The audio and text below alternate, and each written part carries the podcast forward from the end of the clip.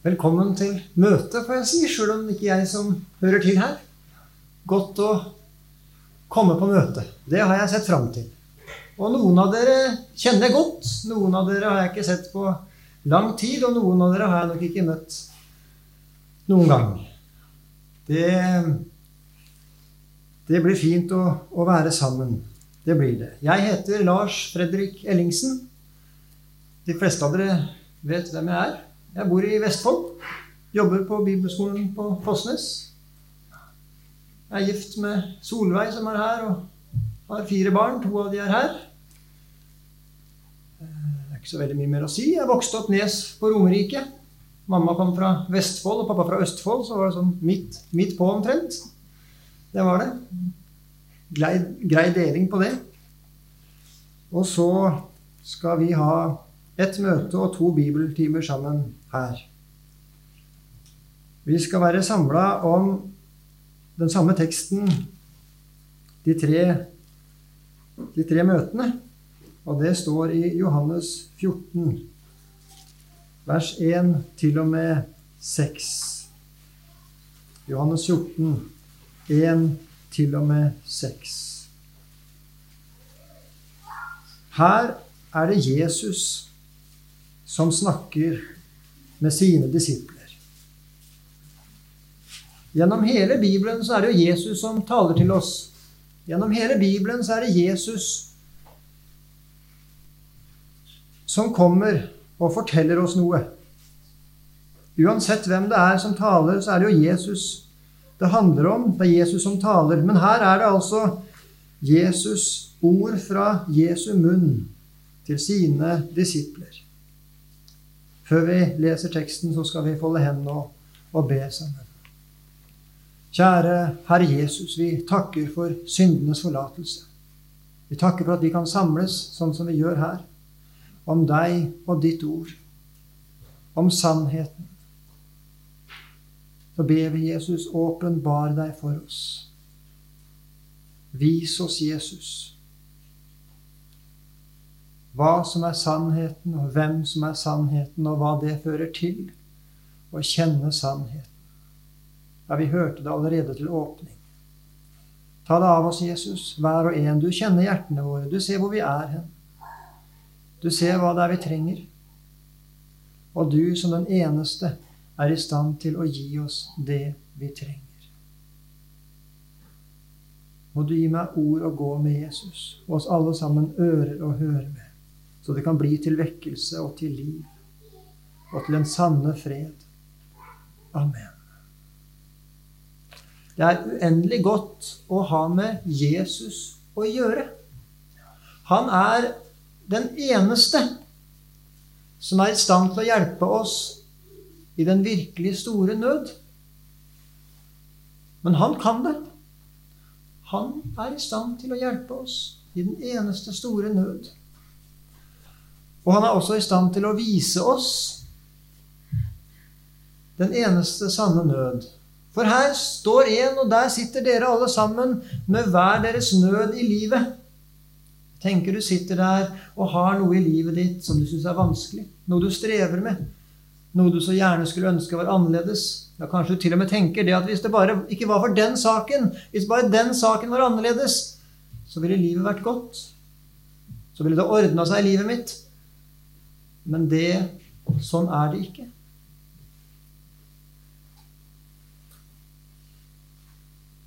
Og så kommer det her en som viser deg Ja, han tar seg av deg i den nøden der også. Det gjør han. Han tar seg av mennesker i alle slags nød. Men så viser han deg også den store nøden, den største nøden. Hvordan er det med mitt forhold til Jesus? Og så tar han seg av den saken også. Den gjør han. Johannes 14, 1-6. Her er disiplene i nød. La ikke deres hjerte forferdes, tro på Gud. Og så står det egentlig 'ved å tro på meg'. I min fars hus er det mange rom. Var det ikke slik, da hadde jeg sagt dere det. For jeg går bort for å gjøre i stand et sted for dere. Og når jeg er gått bort og har gjort i stand et sted for dere, kommer jeg igjen og skal ta dere til meg, for at også dere skal være der jeg er. Og dit jeg går, vet dere veien. Thomas sier til ham, Herre, vi vet ikke hvor du går hen, hvordan kan vi da vite veien? Jesus sier til ham, Jeg er veien, sannheten og livet. Ingen kommer til Faderen uten ved meg. Disse tre samlingene så er det ett ord vi spesielt skal stanse ved, og det er sannheten. Hvis noe er sant, da er det verdt hva som helst å følge det. Og hvis noe er løgn, da er det ikke verdt noe som helst. Samme hvor blankt eller godt det smaker. Ikke sant? Jeg tenker mange av dere har fått beskjed om det, at hvis det kommer en mann med en sjokolade og sier 'Kom og sett deg inn i bilen min og bli med meg', så har du fått streng beskjed om å ikke følge med. Men sjokolade er godt. Ja, det er kjempegodt. Hvorfor skal du ikke være med da, Philip? Ja, det er ikke trygt, nei. nei. Sjøl om sjokoladen er god. For det er lureri. Sånn er det med Satan nå. Han kommer med noe som smaker søtt. Han kommer med noe som er blankt, og så sier han 'Kom med meg'. Og så er det lureri. Da hjelper det ikke at det er blankt. Da hjelper det ikke at det er søtt. Fordi det er lureri. Vi samles på leir for å samles om sannheten. For å få del i sannheten. For ikke å bli lurt. For det er mange ting her i livet som ser så godt ut, som kjennes så riktig ut, som kjennes så lurt ut, som kjennes ut som 'dette lønner seg'. Og så gjør det ikke det. Og så er det bedrageri. Og det gode er at det er et sted hvor det står hva som er godt, hva som er sant, hva som fører til det gode. Hva som er sannheten, hva som er veien, hva som er livet. Det er ett sted det står. Og det som er skummelt, er at det er ett sted i ditt og mitt hjerte hvor det går andre veien.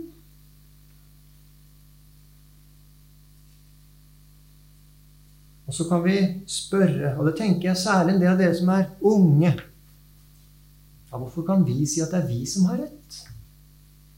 Hvorfor? Det er så mange meninger om hva som er sant. Det er så mange tanker om hva som er sant og godt. Åssen kan vi vite hva som er rett? Åssen kan vi vite at det er Bibelen som er sann, og ikke noe annet? Det skal vi stanse ved disse timene. Og så er det sånn at et møte med Jesus, det setter deg og meg alltid på valg. Du og jeg, vi er ikke den samme etter å ha møtt Jesus. Da har vi fått et valg om hvordan vi vil forholde oss til Jesus. Om vi følger sannheten eller følger løgnen. Om vi lever etter Bibelen eller etter mennesketankene. Overskriften over samlinga nå, det er 'Kom Jesus Kristus i hu'. Og det er mer aktuelt enn noen gang. For det er så lett i vår tid at det er alt mulig annet og alle andre tanker som vi følger, og ikke de tankene som er Guds tanker, som er Guds vei, som er Guds retning. Jeg er veien, sannheten og livet. Vi skal stanse i kveld ved, ved trøsten og hvilen for en kristen. Altså den som har Jesus. Hvilken trøst er det det å ha Jesus? Jo, det er mange slags trøst, og vi skal stanse ved noen av dem. Vi satt i teltet vårt i stad, og så regna det. Og hadde det blåst skikkelig da, så hadde teltet fart av gårde. Det er jo sånn telt driver med når det blåser skikkelig. Men de som bor her inne, de hadde ikke blåst av gårde. De hadde kanskje ikke merka det engang. For sånn er det å bo inne. ikke sant? Det er derfor vi bygger hus og ikke bor i telt sånn til vanlig. Ja. Vi vil bo inne. En kristen er i noe som holder. Noe som holder i alle ting. Men mest i den store tingen som handler om evigheten. Så løser ikke alle problemer her i livet det å være en kristen. Det vet du, og det vet jeg. Det er mange ting som er vanskelig også for en kristen. Det er mange ting som er vondt også for en kristen. Sør Kirkegård han sier omtrent som følgende Evigheten helbreder ikke fra de små spørsmålene. Altså fra de små krisene i livet. Så er det akkurat det samme å være en kristen som å være et annet menneske. Da kan du få kreft. Du kan bli kjørt over. Du kan oppleve vonde ting. Det kan en kristen også oppleve. Det er ikke det det å være en kristen berger fra. Men evighet Der Der er det hvile å få ifra de store spørsmålene. Jeg er i noe som holder. Bygningen er Kristus og tåler enhver storm. For en kristen er det ingenting som er farlig uten én ting. Og det er å gå ut av bygningen. Men bygningen holder alt. Holder i alle ting. Det er ingenting som er farlig for en kristen. Det er ikke farlig for en kristen å bli syk. Det er ikke engang farlig for en kristen å dø.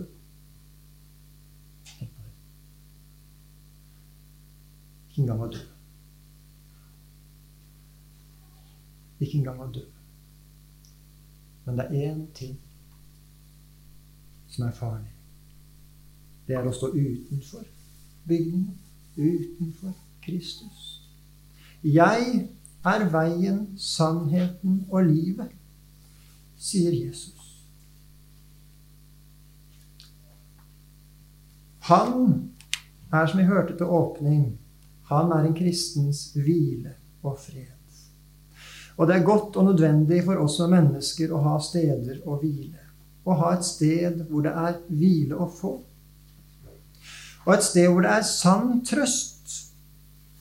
Vi også kan trøste hverandre. Og vi kan kanskje si det at ja, jeg har hatt det akkurat sånn som du har det. Det er litt trøst i det. Du er ikke alene i smerten din. Det er en annen som har opplevd det samme. Og kanskje det også er en som kan finne på noe morsomt når du har det vanskelig. Og så kan du bli distrahert, og så kan du glemme det som er vondt og vanskelig, og så kan dere sparke fotball, eller dere kan, kan, gjøre noe annet som er gøy, og så kan liksom smerten komme litt på avstand. Eller så er det også noen mennesker her på jord som kan løse noen problemer, som kan lindre smerten, som kan ta vekk brodden. Men så kommer det snart et nytt problem. En ny smerte. En ny lidelse. Og så er det fortsatt et nytt behov for trøst. Men Jesus, han er den sanne trøst. Ikke alltid ved å ta bort det som menneskelig sett er smertefullt. Men det underlige han gjør, det er at han viser deg at det er et større problem. Det er et mer alvorlig problem. Det er noe som det er mer kritisk med enn det som du og jeg strever med her på jord. Og det er altså hvordan det står til med vår evighetssak. Vår evighetssak. Karl Fredrik Wisløff hadde en tekstgjennomgåelse. Han hadde jo det på, på MF da han jobba på MF, så hadde han en tekstgjennomgåelse i uka over teksten for søndagen. Og de, de er gode opptak av. De er trøstefulle og, og, nyttig å høre. Og så har han en tekstgjennomgåelse over den teksten vi leser nå. Blant annet det første verset. La ikke deres hjerte forferdes. Tro på Gud og tro på meg. Og han sier den ble aktuell for meg 9. april 1940. Nå er det ikke så mange av oss som, som var der da, sånn som han var. Da var han i Oslo. Og så hadde han en begravelse. Halv ett, sa han. På gamlebyens gravlund. Og så sto det nederst i gravlunden sto det en mitraljøsepost. En norsk mitraljøsepost. Som akkurat hadde fyrt av en salve så det singla patronhylser. For det var et tysk fly som fløy, fløy over. Og så, så møtte Carl Fredrik Wisløff denne tirsdagen en gammel sogneprest. Så sier Carl Fredrik Wisløff for en fryktelig dag dette er. Hva er søndagens tekst? sier gamle sognepresten. Nei, det vet jeg ikke sånn. Det er, det er, tirsdag i dag, og det er søndag, det er lenge til, så det har jeg ikke fått tatt meg ned med. Hva er søndagens tekst? spør den sognepresten. La ikke deres hjerte forferdes. Tro på Gud, og tro på meg. Og så sier altså Karl Fredrik Wisløff om denne teksten Ja, denne teksten er for de virkelig store ting, sa han også større enn en fiendtlig invasjon. Er det noe som er større enn en fiendtlig invasjon? Ja, nå har vi hørt om krig i Ukraina. Det er grusomme ting. Ja, ja sier Karl Fredrik Wisløff. Det er noe som er større enn en fiendtlig invasjon. Det er anfektelsens situasjon. Hva er forskjell på anfektelse og fristelse? Jo, sier Luther, ifølge Carl Fredrik Wisløff. Kjødelige fristelser det er bare persille i møte med anfektelsen. I forhold til anfektelsen. En kjødelig fristelse. Det er at, at vi på en eller annen måte får en impuls fra vårt eget kjød eller fra verden som vil få oss å tenke at det er noe som er gildere. Det er noe som er mer verdifullt enn livet i Gud. Det er da noe med denne synden som er mer verdifullt enn å høre Jesus til. Det er fristelsen. Og så glemmer man evangeliet. Men anfektelsen, sier Karl Fredrik Wisløff, det er noe som stormer løs på selve gudsforholdet og vil ta gudsforholdet fra meg. Som jeg hørte til til begynnelse i dag. Kan jeg som jeg er, være et Guds barn? Er det mulig at jeg kan ha med Gud å gjøre, jeg som har et hjerte som Jeg får det ikke annerledes. Jeg vil så gjerne. Og det sier kanskje Kristus om anfektelsen. At den som er anfektet, den vet at det er ingen større ting i livet enn å høre Jesus til. Det er ikke noe som er viktigere i livet enn å høre Jesus til. Men det går ikke. For jeg passer ikke hos Jesus. For jeg er en synder. Jeg er uren. Og jeg bærer på et kjød som er urent. Når synden fører til fall, og du anklages med rette, vil du si Det er ikke rett med deg. Hvordan kan du da være en kristen? Og så kommer Jesus her og sier, 'Tro på meg'. Tro på meg. Jeg er veien, sannheten og livet. Det er jeg som er det, sier Jesus. Har du meg, så har du livet. Har du meg, så har du sannheten. Det er jeg som er det. Jesus han gir deg ikke kunnskap til veien, sannheten og livet. Han fører deg ikke til veien, sannheten og livet. Det er Han som er veien, sannheten og livet. Det er Han som er det. I Han. Og trøsten, den består i at den som hører Jesus til, den bærer Jesus. Det er så lett å tenke at dette med nåden det er sånn at, at Jesus rekker meg nåden, men, men så må jeg få det til å være en kristen. Så må jeg få til å klamre meg til Jesus på den rette måten. Og så fortalte kanskje Grisløff i denne preken eller tekstgjennomgåelsen om et, om et eksempel.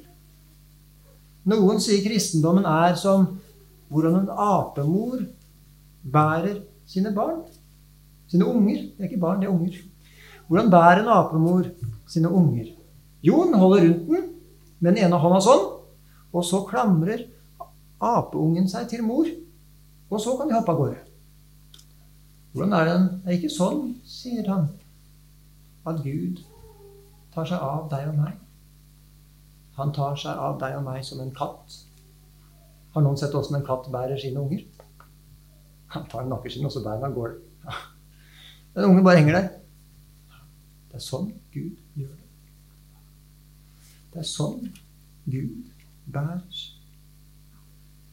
Heng bare stille i nåden, så bærer Jesus deg hjem.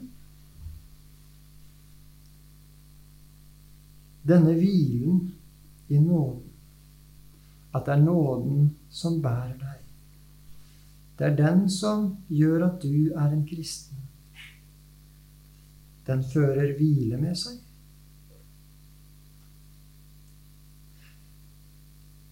Og så bærer Jesus deg inn til seg. Det er Jesus som er veien. Det er han som er sannheten. Det er han som er livet. Så sitter du kanskje her i kveld og får ikke til ditt kristenliv. Det går ikke for deg å være en kristen. Og menneskelig sett så er det helt sant. Det går ikke for deg. Du kommer aldri til å få det til. Kommer aldri til å få til å ta deg nok sammen til du kan være en kristen. Men gå til Han som tar seg av syndere. Gå til Han. Så sett deg på fanget hans, og så fortell han akkurat hvordan det står til med deg og ditt hjerte. Og så har han lova at han ikke skal støte noen ut av de som kommer til ham. Jesus sier, 'Jeg er veien, sannheten og livet'. Der er den eneste trøst. Der er syndenes forlatelse. Der er sannheten. Hos Jesus så kommer det lys over den grufulle sannheten om deg. At ditt kjød er en fiende av Gud og alt som er godt, og kan ikke bli noe annet. Det er sannheten om ditt kjød. Den sannheten, den viser Jesus deg. Jesus viser deg sannheten om din ugudelighet, om din urenhet, om ditt fiendskap av det som er godt og rent, og at du ikke er i stand til å bli god og ren.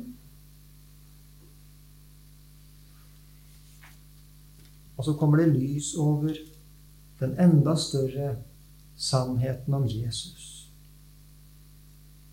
Som vi hørte til åpning. Han kjenner sannheten om deg. Han vet om hvem du er. Han vet om ditt hjerte. Og så elsker han deg så kaller han deg inn til seg. Kom hit til meg, sier han. Kom hit med din synd. Bekjenn din synd. For han søker nemlig etter fortapte syndere som han kan frelse, trøste og rense. Og så omskaper syndenes forlatelse menneskehjertet. Det gir hvile ifra synden, men det gir også et fiendskap til synden. Det gir et behov for å være der hvor Jesus er. Og så gir det et behov for å bli ren ifra synden. For kjødet så er det jo sånn at synden er en løsning. Synden er et gode. Synden er en frihet. Men for det nye mennesket så er det godt å være fri fra synden. Og synden er min største, min største sorg. For et menneske som hviler i syndenes forlatelse, så er det ufred med synden. Et menneske som har fred med synden, lever i fiendskap med Gud. Og et menneske som har fred med Gud, lever i fiendskap med synden. Sånn er det. Sånn er det. Evangeliet har blitt saksen som løser ifra syndens nett. Nå er hjerteretningen en annen. Jesus, han er målet og behovet. Så lenge syndenes forlatelse er i praktisk bruk. Og hvordan er syndenes forlatelse i praktisk bruk? Hvordan bruker vi syndenes forlatelse? Jo, nettopp når du har, vært, har falt i synden, så springer du til Jesus med synden så fort du kan, så fort du kan. For der er det frihet fra synd. Der er det renselse fra synd. Der blir du fri fra din synd. Og så blir du løst ifra synden. Hvordan blir en kristen løst fra synden? Jo, ikke ved at du ikke lenger har et kjød som fristes av synden. Ikke sånn. Og det hadde vært godt å bli kvitt kjødet. Men det er ikke sånn en kristen blir løst ifra synden. Men en kristen blir løst ifra synden ved at syndens rette vesen blir avslørt. Det blir avslørt som et bedrag. Som noe som ser godt ut, men som ødelegger. Og derfor blir syndenes forlatelse også til at en kristen forlater synden som sin vei.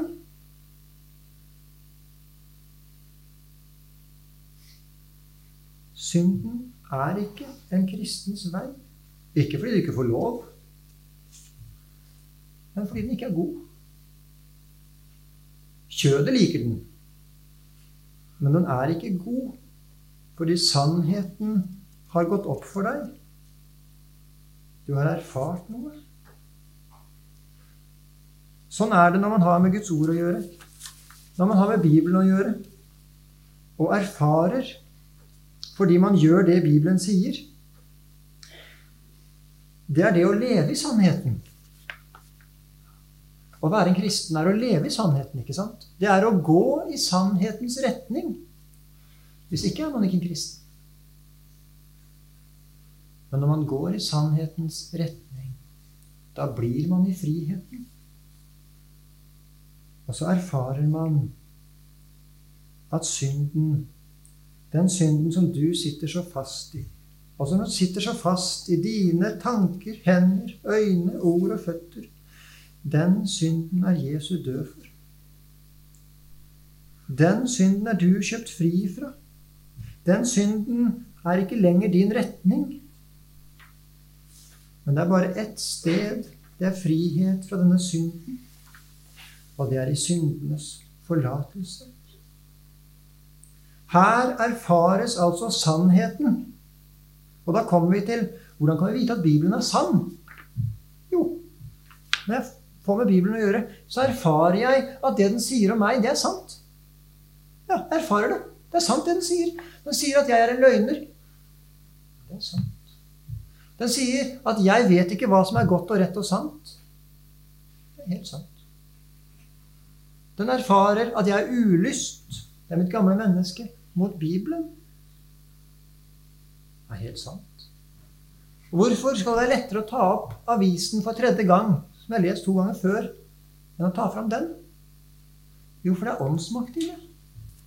Det erfarer det mennesket som har fått med Gud å gjøre. Gud sier sannheten om meg. Og så erfarer jeg at den sier sannheten også om Jesus. At Jesus tar imot syndere. Så hvis du vil vite om Bibelen er sann, så må du lese den. Kurt Westman han sier stadig vekk Når noen kommer til meg og vil bli kristne og lurer på åssen de skal få bli kjent med Jesus, så sier jeg les evangeliene tre ganger så fort du kan. Og gjør det som står der. Så vil du møte deg selv og møte Jesus. Hvis du sitter her og er urolig for din sjel og ikke forholder deg til Bibelen, ja, da vil du aldri få visshet, verken om det ene eller det andre. For det er bibelordet som åpenbarer for deg hvem du er, og hvem Jesus er. Hør, les, syng.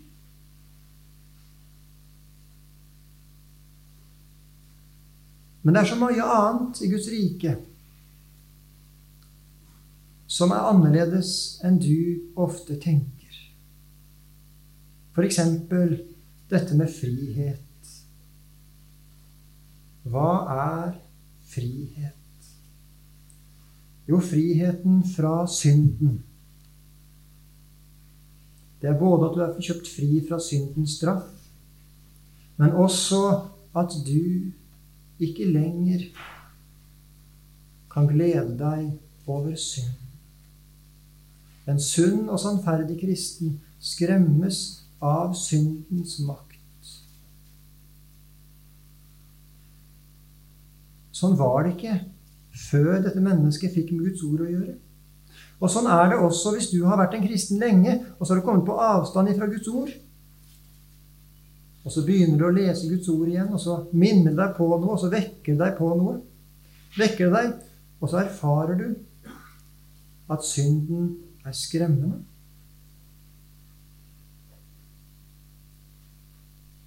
Frihet fra synden, det er verken frihet til å leve i synden, eller frihet fra at synden kan oppleves mektig.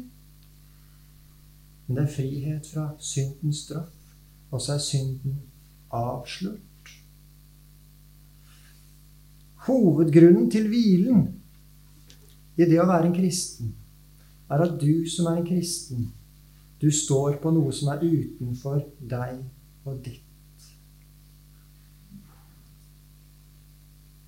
Grunnen du står på, den er ikke avhengig av hvordan du lykkes. Den er ikke avhengig av dine krefter.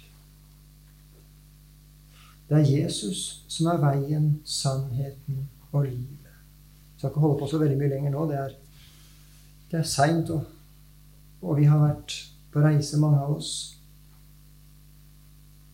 Men jeg vil få avslutte med det. Friheten fra det som fanger og plager så veldig mange nå, det er det at vi sammenligner oss med de andre menneskene. Vi er horisontale i våre liv. Og jeg skulle ønske jeg hadde det som hun har. Jeg skulle ønske jeg var sånn som han. Jeg skulle ønske det ene eller det andre. Og så er vi så opptatt av hva andre mennesker tenker, hva andre mennesker mener, hva de gjør, og hva de mener om oss. Jeg snakka med ei godt voksen dame for en stund siden som er samtaleterapeut.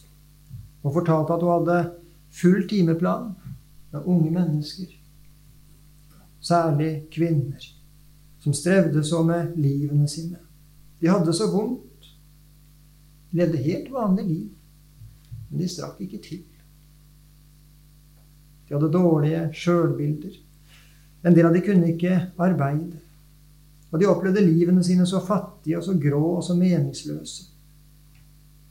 Og så sa hun noe om det at sammenligningskulturen, særlig sosiale medier, men hele tanken og kulturen som handler om at det som betyr noe i livet, er hva andre mennesker tenker om deg. Hva andre mennesker synes om deg. Om de andre liker deg. Din verdi måles ut fra hva du opplever at andre mennesker har.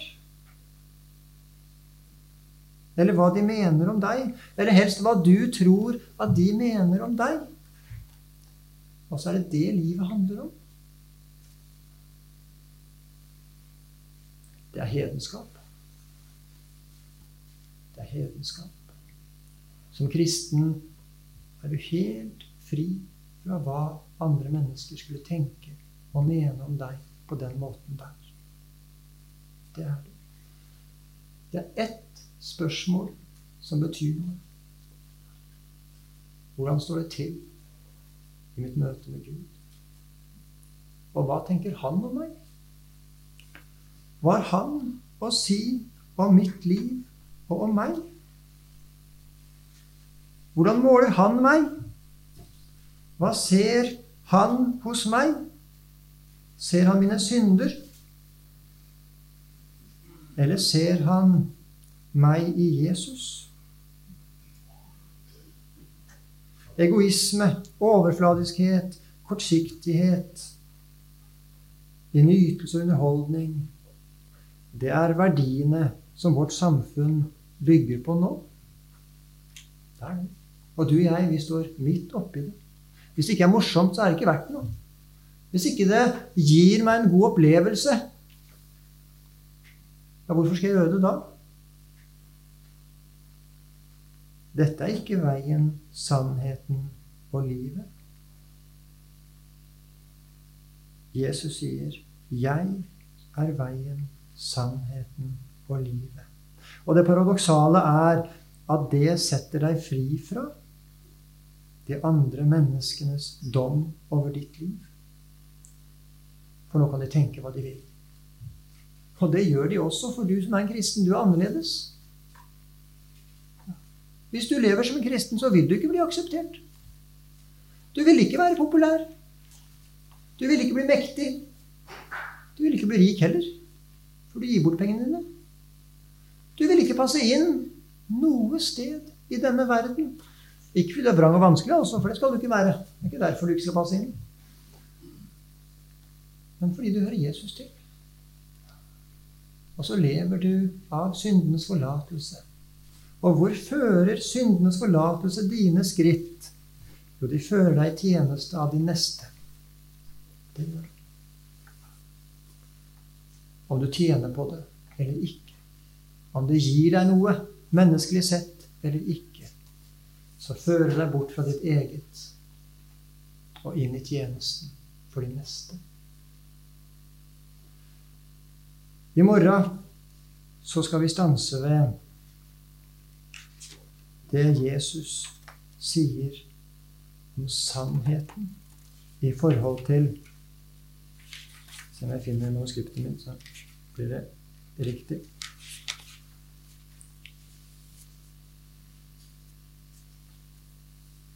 Om sannheten, og om sannheten i forhold til i forhold til det å være menneske i vår tid. Vår tid preges av postmodernisme. Det preges av min sannhet. Og så er det Bibelens sannhet. Jesus sier 'Jeg er veien, sannheten og livet'.